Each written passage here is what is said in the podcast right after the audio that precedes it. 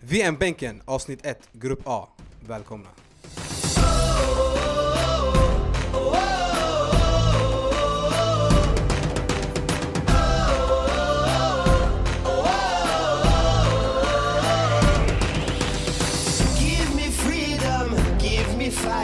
Yes, eh, Grupp A grabbar. Inledning på VM med VM-bänken och eh, vi har ju fyra lag som spelar där. Vi har Ryssland, Uruguay, Egypten och Saudiarabien. Vi kan väl börja med hemmanationen eh, Ryssland då det ändå är på deras hemmaplan vi spelar. Exakt. Och det är ju Ryssland som gör ett elfte framträdande i eh, VM och eh, sju av dem då var som Sovjetunionen. Så det var ju en ganska stort Ryssland då på den tiden. Men eh, nuvarande Ryssland så är det alltså deras fjärde framträdande kan man säga då. Och eh, ja, har ni sett deras squad? Ja, det har vi. Eh, inte så, det är ju inte så många namnkunniga spelare som sagt. Och jag tror eh, Ryssland hade väl tur att de var ett eh, hemmanation så de slip, slapp eh, kvala. För jag tror inte det här laget skulle komma till VM utan, eller med ett kval. Mm. Nej exakt, och eh, alltså medans de här bara lirade träningsmatcher och hade det ganska chill så fick alla andra lag kriga och eh, för, liksom, för att bli kvalificerade till eh, VM. Mm. Och ja, som ni ser alltså, deras spelare det är inte Det är inga spelare som man känner igen som spelar ute i Europa. Jag tänker då i Serie A, i La Liga och Premier League. Utan man hittar dem bara i den eh, in, inhemska ligan i Ryssland då. Men precis, alltså jag tänkte ju först alltså, läsa igenom hela truppen men jag tycker det är lite meningslöst. Eftersom Man, känner inte igen dem exakt. ändå? Men de, de mest namnkunniga spelarna är ju... Är Eh, ja, den, eh, han som vaktar buren där. Ja. Och som har alltså, alltid sett som en världsstjärna men aldrig du vet levererat heller. Exakt. Vad hände med han, eh, vad heter han, eh, yttern som Chelsea Vi har ju, han är ju med i truppen. Är han nu detta? Han är ju lagkapten också. Juri Kirkov, före detta. Chelsea-spelaren. Och sen har vi även med den kontroversiella spelaren Denis Cheryshev som kom in för Real Madrid när Benitez var tränare där och gjorde att de blev utslängda från Copa del Rey. Du kan väl dra den här historien lite, hur blev de utslängda? Ja, han var ju eh, avstängd tror jag, eller eh, han var inte uttagen till truppen tror jag. Precis. För kuppen. Och sen Han var, ja, ja, var, han ändå på något sätt med på bänken och kom in. Men idag spelar han ju för Villarreal och det är en eh, i alla fall bra spelare. Så det är några spelare man kan hålla koll på i Ryssland. Men i helhet, jag tycker de brukar prestera bra kollektivt. Det sjuka är en sak om Dennis Cheryshev, uh, Cheryshev, varför låter jag som en amerikan för? Men eh, när, när Real Madrid åkte på den här avstängningen, det roliga det var inte bara han som, var, eh, som inte var registrerad i laget, det var en eller två till juniorer. Så det var inte bara Dennis Cheryshev som eh, man kunde blamea. Eh, men eh, annars, det är en annan spelare som jag tänker mer på, det är Mm. Roman Neustetter. Som är en, eh, vad blir det? Tysk slash ryss slash engelsk spelare. Mm. Men har valt att spela för eh, ryska A-laget. Men han har några U20 och U21 eh, landskamper för Tyskland. Mm. Eh, spelar idag i Fenerbahce, har tidigare spelat i Schalke 04 och Borussia Mönchengladbach. Eh, han är en eh, mittback eller kan spela som en defensiv mittfältare. Så det blir intressant att eh, se vad han kan bidra med. Men Ja. det, det var ju lite surr om, eh, om den här eh, Alexander Kokorin Kommer ni ihåg honom?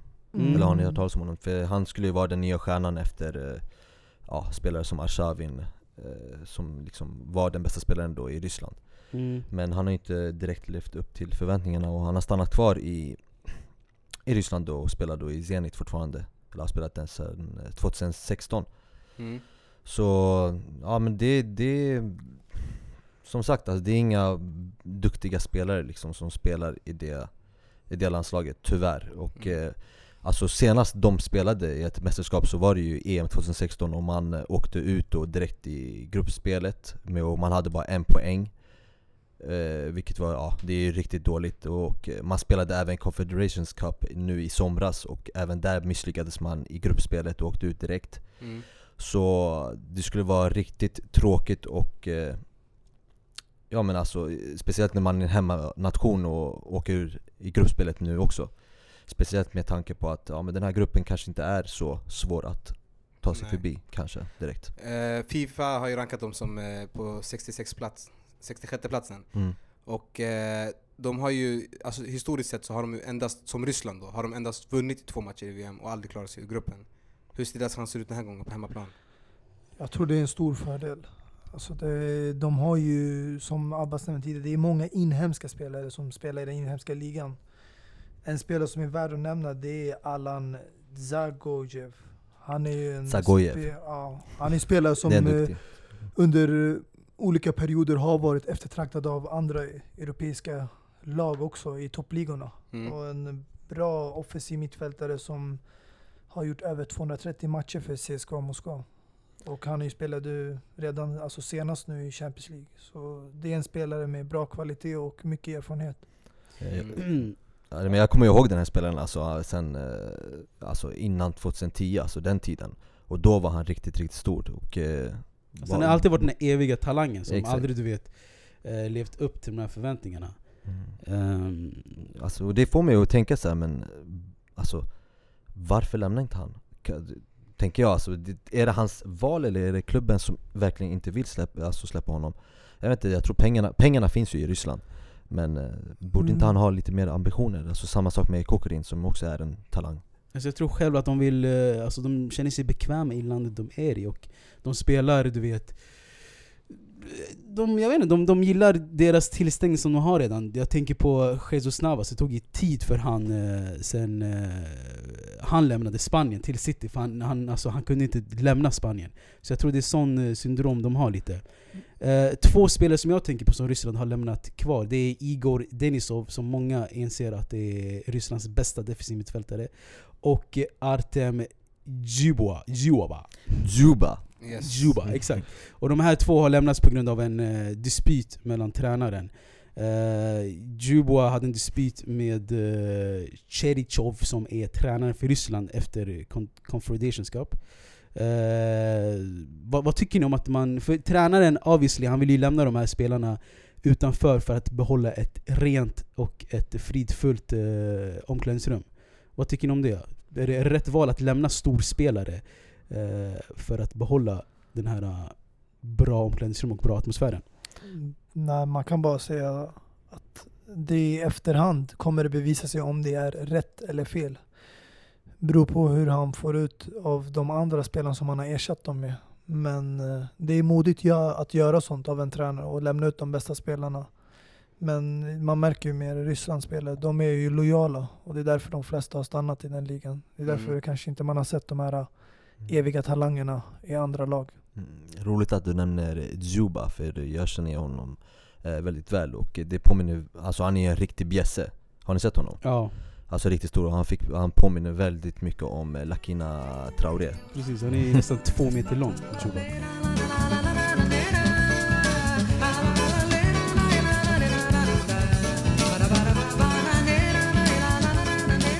Om vi går vidare till eh, 17-rankade Uruguay som eh, gör sitt 13 framträdande i VM. Det var även det första landet som vann VM, redan på 30-talet tror jag det var. Och eh, de har ju ändå en imponerande trupp med eh, många alltså, namnkunniga spelare, men bland annat i anfallet tänker jag på. Med Luis Suarez och Edison Cavani. Abbas, hur mycket skada kan det här anfallet göra tror du? Det beror ju på vad för skador du menar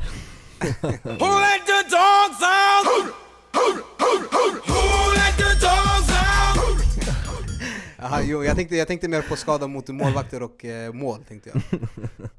Ja men det är absolut, det, det är givet Alltså det är ju verkligen en av, eh, eller båda är en av världens bästa anfallare och eh, Mm. om vi sätter dem ihop så är de ju väldigt, väldigt farliga och kan skada vilka som helst Hur har deras samarbete sett ut förut? Det har alltid varit bra, alltså, jag, när jag tänker Uruguay så tänker jag verkligen eh, Alltså innan 2010 där när man hade Forlan eh, i spetsen och då spelade faktiskt Cavani till höger och Suarez till vänster.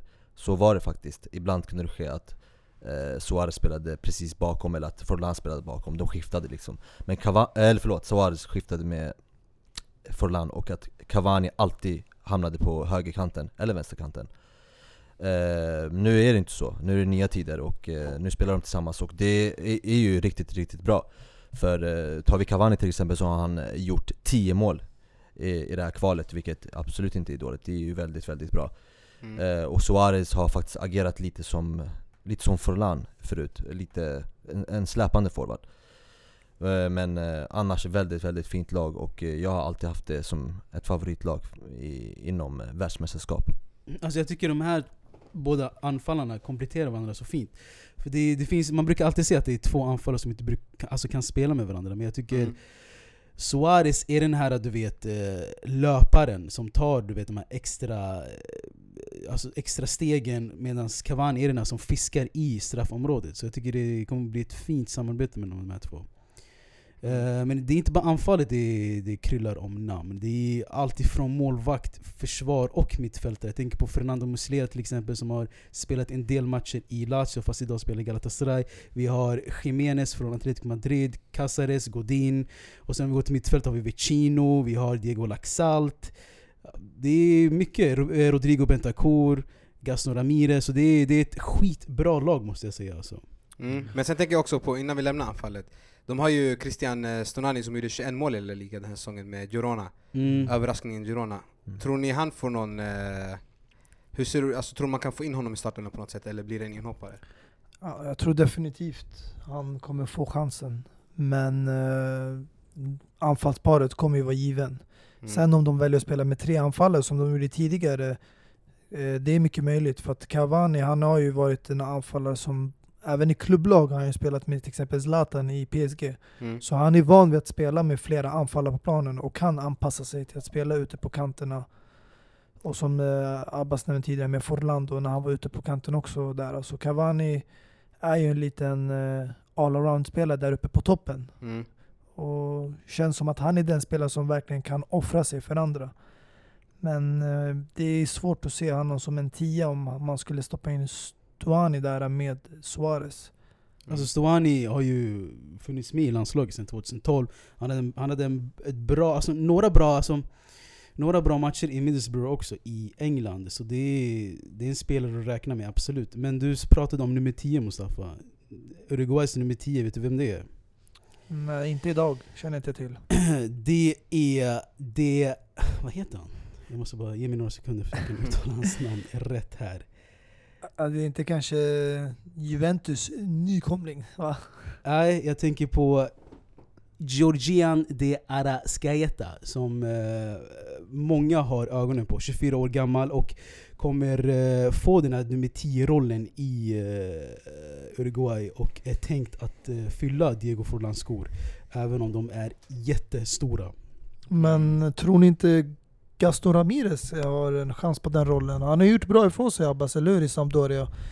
Kommer ju från tidigare från Premier League där han har både spelat i Southampton och eh, både, jag tror det kanske också det var Middlesbrough eller tidigare. mm. Han var utlånad och han har gjort det ganska bra här och där men Mm. en spelare som alltid brukar göra ett avtryck när han väl är på plan.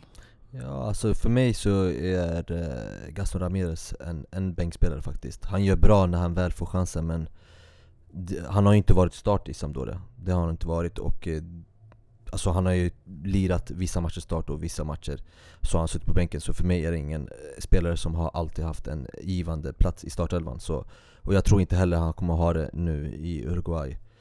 Och det beror ju på hur de spelar också, för om jag, när jag har sett Uruguay så spelar de med 4-4-2 Mm.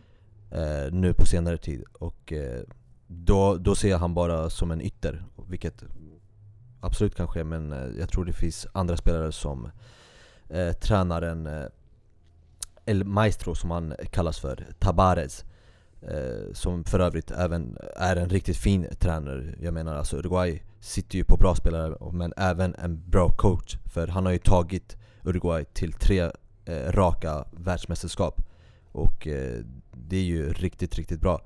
Så alltså jag tror inte han kommer köra Gaston Ramirez på kanten, det tror jag inte. Nej jag tror inte heller han, är, han, han kommer hamna i, i elvan. Det kommer vara Bentancur och Vecino och de Arascaeta som kommer starta. Och sen uh, Suarez och Cavani. Och sen den sista Jag tror jag mittfälts... Laxalt som en vänster. Ja, Vax, eh, Laxalt eller Nandes. Så det är Gaston Ramirez är utanför eh, elvan hur som helst tror jag. För han har varit, alltså för mig, han, han visar ju klara potential och en, han är en bra spelare men han har varit en besvikelse i varje lag han har gått till alltså.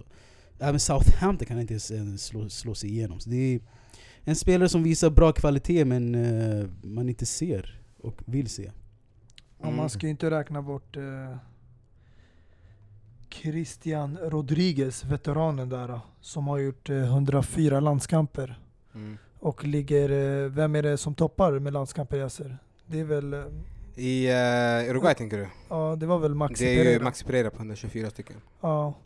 Så där är ändå spelare som, de har mycket erfarenhet och har spelat tidigare mästerskap. Så jag skulle inte nog, jag tror inte jag ser nog både Vecino och Bentancur start samtidigt. Tror du inte det? Jag tror det kommer bli där en liten eh, blandning av erfarna spelare och nya. Alltså det finns en ny spelare som, eh, jag vet inte om ni kanske inte har följt Sampdoria lika mycket som jag har gjort men eh, Lucas Torreira eh, Är det några, Det ringer några klockor absolut. det gör det? Mm. Han har ju haft en megasäsong i Sampdoria och alla lag eh, försöker rycka i honom Mm. eh, Och jag tror faktiskt att han kommer starta bredvid eh, Vesino tror jag Mm. Alltså jag vet inte, de sitter ju på duktiga spelare men spelarna är ganska lika Alltså i mittfältet, det är ingen som sticker ut mer. När jag tänker mittfältare då tänker jag på Alltså speciellt i Uruguay, då tänker jag på Recoba. Det här är en spelare som stack ut och var mer en anfallare Fast precis, alltså en, en tre- trekvartista helt enkelt. Mm. Och han hade ju egenskaper som, ja, det är inte många som har det än idag. Eh, Sådana här spelare hittar man inte nu i dagens Uruguay så det är lite, ja, han har mycket att trixa till där, El Maestro. Ja, alltså med en befolkning på 3,4 miljoner måste jag ändå säga att det här är en stark eh, trupp de har fått fram och eh, det, är- ja, exakt, och det är nu det är 3 miljoner som du sa Mm. Alltså för några år sedan, alltså, det var knappt en miljon skulle jag, skulle jag säga alltså, Det var runt, någonstans där de har arbetat hårt alltså. Det har de verkligen eh, Det är ju Man, även- man får tydliga direktiv. många Det är mamas minsta landslaget som har vunnit VM-mästerskapet. Inte bara det första men även det Ja. minsta. Och, eh, jag tror de tror på sig själva när de har en sån här historia med, eh, där de har vunnit mästerskap tidigare. Mm. Och sen, eh, ja, innan vi lämnar Uruguay, är det någon ni känner fattas i truppen? Någon spelare man missat?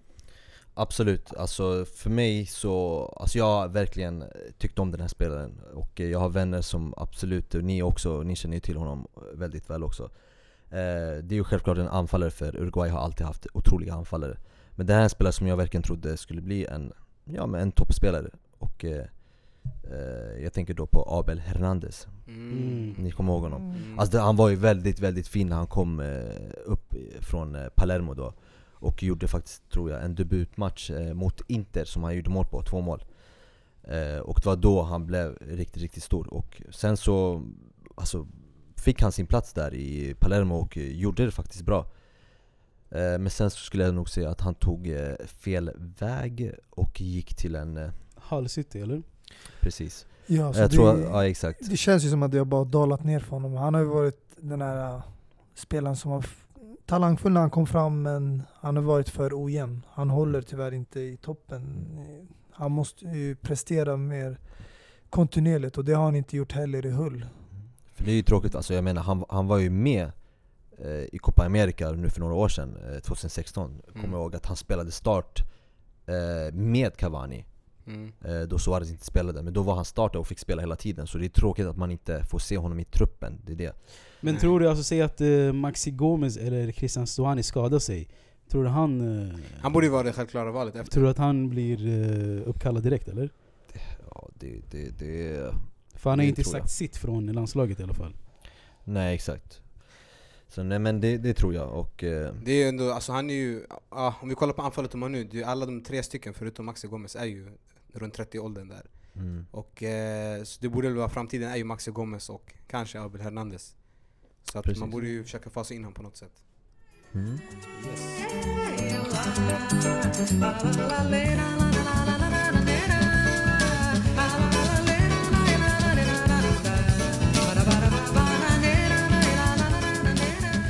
Ja, om vi går vidare till eh, 46 rankade Egypten och kollar på deras eh, trupp. Egypten som inte har varit med i VM sedan 1990, och är tillbaka nu 2018. Med en eh, helt okej trupp, men om vi inte nämner det självklara Mohamed Salah, om vi börjar lite an- någon annanstans. Ja, Finns det några i- andra spelare ni vill lyfta Vi, upp? vi kommer landa i Mohamed Salah alldeles strax, men jag, jag tycker det är värt att nämna att de har lite spelare som spelar i, i de här stora ligorna. Bland annat eh, Stoke-spelaren Ramadan Sohbi. Mm. eh, tyvärr som åkte ju Stoke City ner nu, men han är en ganska given spelare skulle jag säga i Stoke. De har även eh, Ahmed Hegazi Mm. som spelar i West Bromwich. De har ju Mohamed El Nani också, El Nani. Precis. Som hade lite uh, fulspelare-syndromet, du vet att man inte gillar honom fast han kanske är bra. Exakt, Ja. exakt. Så det Så har vi ju Mahmoud Trezeguet också, eh, Kasim eh, Pasa, yttern.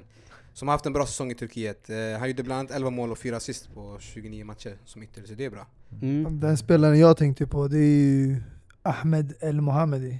Mm. Som har spelat eh, mycket i Premier League tidigare med Hull och idag spelar i Aston Mm. Villa vid sidan om John Terry och är en eh, rutinerad, erfaren spelare som har gjort 70, 67 landskamper där. Jag tror det är en given försvarare där som man kommer förlita sig mycket på. De har en hel del spelare, inte bara från eh, Premier League, men även i England i stort sett.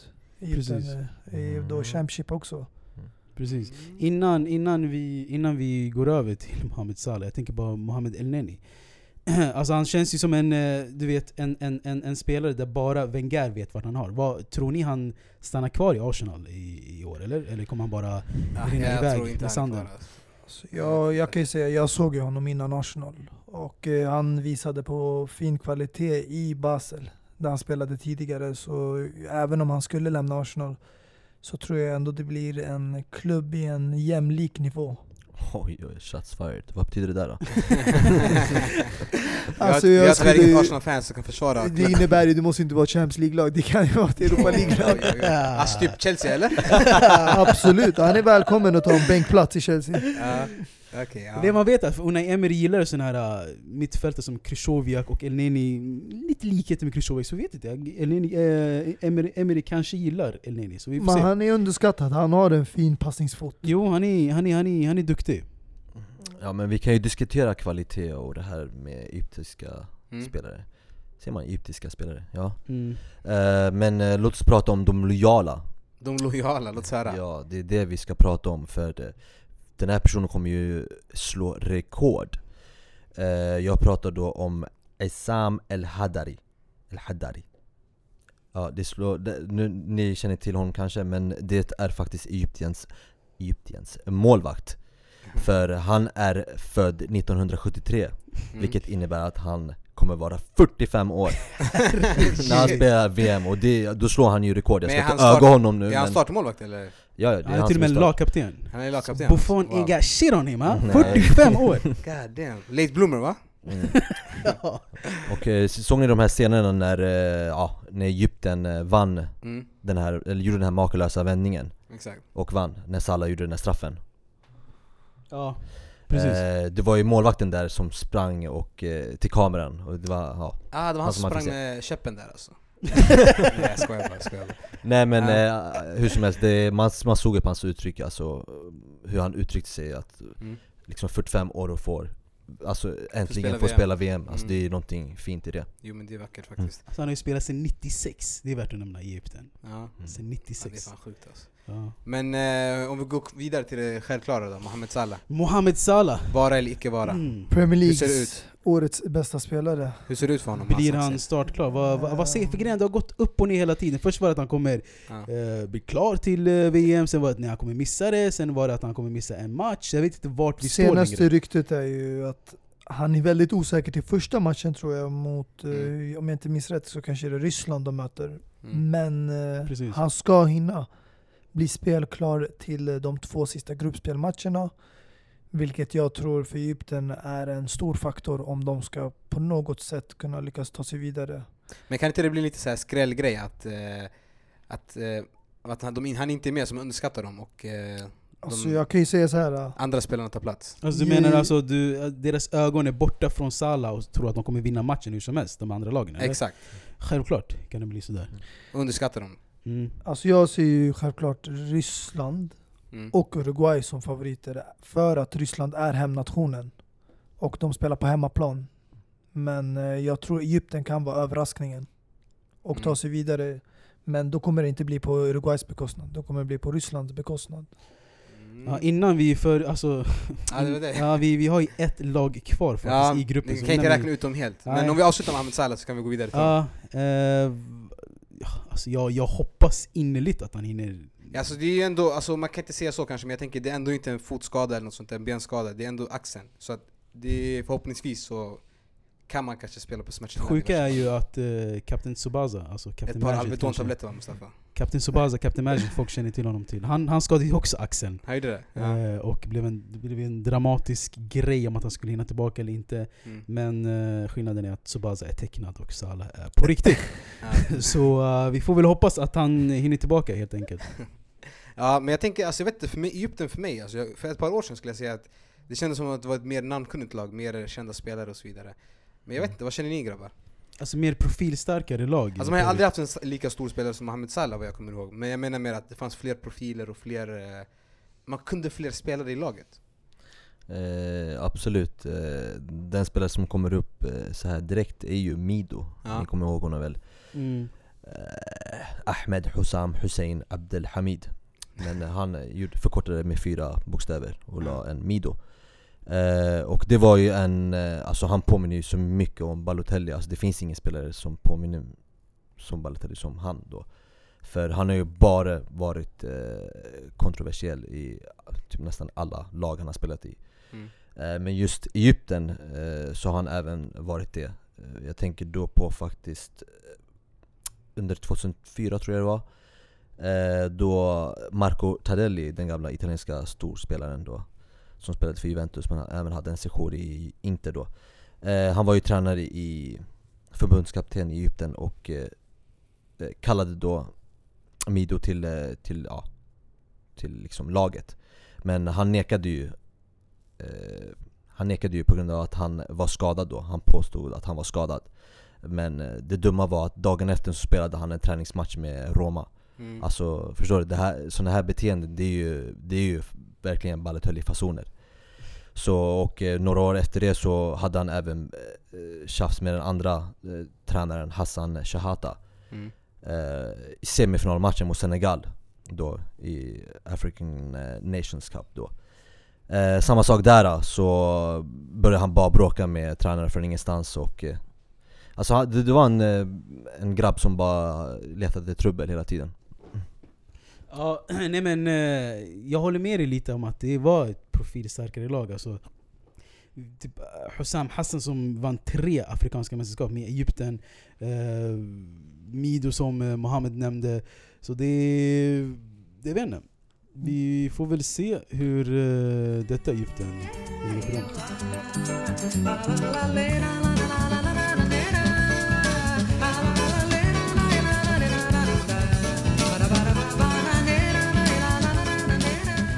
Ja, om vi går vidare till det sista laget i Grupp A och eh, som de kallas på arabiska Al-Akhtar. Abbas, vilka tänker jag på då? Vad betyder Al-Akhtar? De gröna De gröna, jajamensan. Saudiarabien med deras Mm. gröna tröjor. Och eh, jag måste säga att de ligger på en överraskande 17 rank i Fifa-rankningen. 70 eller hur? 70 Mm, bara fyra rankplatser bakom Ryssland. Yes, och de har endast vunnit två stycken eh, matcher någonsin i, i VM Mm. och det var i 1994. Så att, ja, oljepengar tar det långt va? Alltså det är, ingen, det är ingen hemlighet att det här laget är det minsta, minst, kun, alltså minst kända vi kan om dem. Ja. Eh, d- Prata för dig själv, de har ju två Yasser där. Yasser Mo'i Salem och Yasser Al-Sharani. Men det är ju ett landslag som har för det mesta bara spelare från inhemska ligan. Men jag kommer ihåg, eh, de var ju med den största förlusten jag tror i VM-mästerskap. När de förlorade Mot Tyskland eller? exakt 8-0. 2002. 8-0 och det var där Klose kom upp i målskyttet där eh, i Precis. början. När han började panga in massa mål. Mm. Exakt, det är det enda minnet jag har från Saudiarabien egentligen. Och det jag kan säga om eh, en spelare jag saknar. Det är en spelare som heter Mokhtar Ali. Som eh, är född i Somalia. Tillhörde Chelsea under sina unga dagar. Men blev uppköpt av Vitesse förra året. Innan, Eh, innan han blev uppköpt av Saudiarabien eller? alltså han spelade ju sina uh, U-landskamper för England. Ja. Men valde sen att eh, representera Saudiarabien. Och även här så är han inte här. Så jag fattar inte Vad som hände? hur han inte ens kan ta en plats i det här saudiarabiska landslaget. så ja, det är den mest i alla fall som jag kanske tänker på, det är Osama Hausawi som är kaptenen i Saudiarabien. Och eh, limit i backlinjen kan man säga. En Mm. eh, veteran som har gjort 130 matcher och eh, är kapten i Al Hilal i Saudiarabien. Riktigt stark spelare och eh, ja, brukar inte göra mycket misstag då. Nej, exakt. Och resterande spelarna som inte spelar inhemskt i Saudiarabien spelar i La Liga faktiskt. Mhm. Eller i spanska... I Spanien i alla fall. Mm. Levante, Villarreal och Leganes spelar tre spelare av. Mm. Alltså, ja ni nämner ju vissa spelare men det finns ju en, en eh, viss person som man verkligen bör nämna. Eh, som spelar i inhemska ligan och har verkligen eh, öst in mål där. Men förutom i den inhemska ligan så har han även gjort, alltså han är nog den mest målfarligaste anfallaren i hela världen då, sett till internationellt. För den här spelaren har liksom mäktat dit med 16 mål i VM-kvalet. Eh, Mohammed El-Sahlawi heter han och eh, bär nummer 10 i Saudiarabien. 16 mål i VM-kvalet, alltså spelare gör inte det där ens på en vanlig liksom, ligasäsong. Mm. Så ja, förutom det så har han gjort även väldigt många mål i inhemska ligan. Så det är en, eh, en spelare, eller det är den spelaren man ska hålla koll på när man möter Saudi. Exakt, han har ett bra facit i sitt klubblag lag också. 174 matcher och 102 mål. Mm. Det är mäktigt. Mm. Mm. Ni kommer inte ihåg den gamla andra Yasser, Yasser Al-Khatani Som de kallade Saudiarabiens Ronaldinho, ni kommer inte ihåg han va? Nej på riktigt alltså, de kallade han det Nej, nej. Nej okej ja, Han har ju lagt av nu i alla fall men eh, Ah, Vi har ett par till Yassers där så det är Men, men ingen du, fara. du kan ju prova Jag och, eh, och eh, söka till landslaget, vet? Jag kan göra det, det, det verkar vara lätt att komma in i mitt namn verkar så. som att enda kravet är att man inte är Yasser. ja. Oavsett vad kan vi klart och tydligt säga att det här är ju grupp A's jumbo. ja, det är rätt troligt att det är Men vet aldrig Inga förväntningar har man på dem tror jag i alla fall. Men ska vi knyta ihop den här gruppen då? Jag Vad- tycker vi vad- börjar vad tror knyta upp den, Eh, vi har ju börjat närma oss halvtimmen eller vi kanske till och med har gått över den nu Så att eh, vi kan ju säga så här. hur tror ni att, eh, att gruppen slutar? Alltså på papper Mm. ska Uruguay vinna där, där, den här gruppen. Mm. Eh, och bli följda av eh, Ryssland. Mm. För det är hemmanationen. Det går inte att de ska bli utslagna i gruppen. Eh, på papper ja. Men jag tror det kommer sluta så här att eh, Uruguay och Egypten går vidare. Tror du det? Yes. Abbas?